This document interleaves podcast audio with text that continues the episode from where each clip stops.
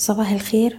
الرؤية الفنية لشركة الأهلي فاروس لتداول الأوراق المالية عشرة مايو عشرين اتنين وعشرين. امبارح اتكلمنا ان المؤشر كسر مستوى حداشر ألف وخمسين وبالتالي الطريق مفتوح لمستويات ألف ومتين.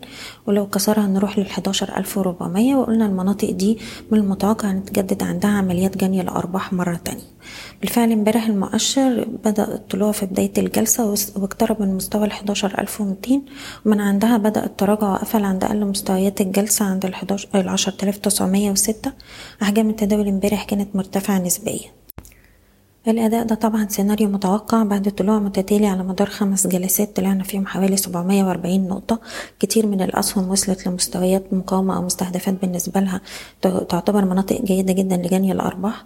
في نفس الوقت المؤشر وصل ل 11200 ودي بتمثل ال 50% ارتداد من آخر موجة هبوط اللي كانت من 12000 لحد ال 10440 طيب إحنا دلوقتي بقى عندنا مستوى مقاومة عند ال 11200 طول ما إحنا تحت المستوى ده في احتمالات المؤشر يتعرض لمزيد من التراجع وبنركز على مستوى الدعم التالي عند ال 10700 بالنسبة للأسهم اللي وصلت للمستهدفات بتاعتها بننصح بجني الأرباح والناس اللي مش عايزة تبيع ممكن ترفع مستوى حماية الأرباح للو بتاع جلسة امبارح. دلوقتي هنركز على مستويات الدعم اللي ممكن نستخدمها كمستويات حماية أرباح.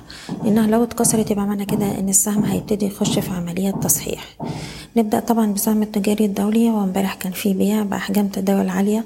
بنركز على مستوى الدعم تلاتة وأربعين جنيه. عشان المنطقة دي لو اتكسرت يبقى معنى كده إن إحنا هنشوف تراجع لغاية واحد وأربعين ستين وممكن أكتر. القبضة الكويتية السهم بنحتفظ فوق الدولار تسعة وعشرين وعندنا أقرب مقاومة عند الدولار تلاتة وتلاتين. حديد عز بنركز على مستوى الدعم 14 عشرة وده بنحطه مستوى حماية أرباح وأقرب نقطة مقاومة عندنا للبيع عند ال 15 جنيه. سهم فوري ال stop loss بتاعنا تحت الأربعة جنيه وأربعين قرش وأقرب مقاومات عند الأربعة جنيه تمانين والخمسة عشر. أبو قير بنركز على مستوى الدعم سبعة وعشرين تمانين. لو اتكسر معنا كده ممكن نشوف تصحيح يمتد معانا مستويات ستة وعشرين ونص. مصر الجديدة بنحط حماية الأرباح تحت مستوى خمسة جنيه خمسة وخمسين. مدينة نصر أقرب نقطة مقاومة لجني الأرباح عند الاتنين جنيه وستين قرش والناس اللي مش عايزة تبيع بترفع حماية الأرباح عند الاتنين جنيه وأربعين قرش.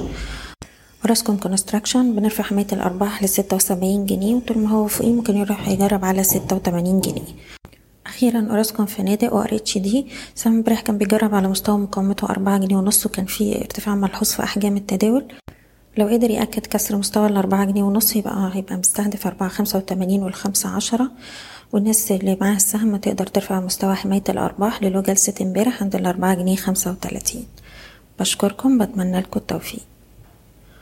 إيضاح الشركة غير مسؤولة عن أي قرارات استثمارية يتم اتخاذها بناء على هذا التسجيل. شكرا.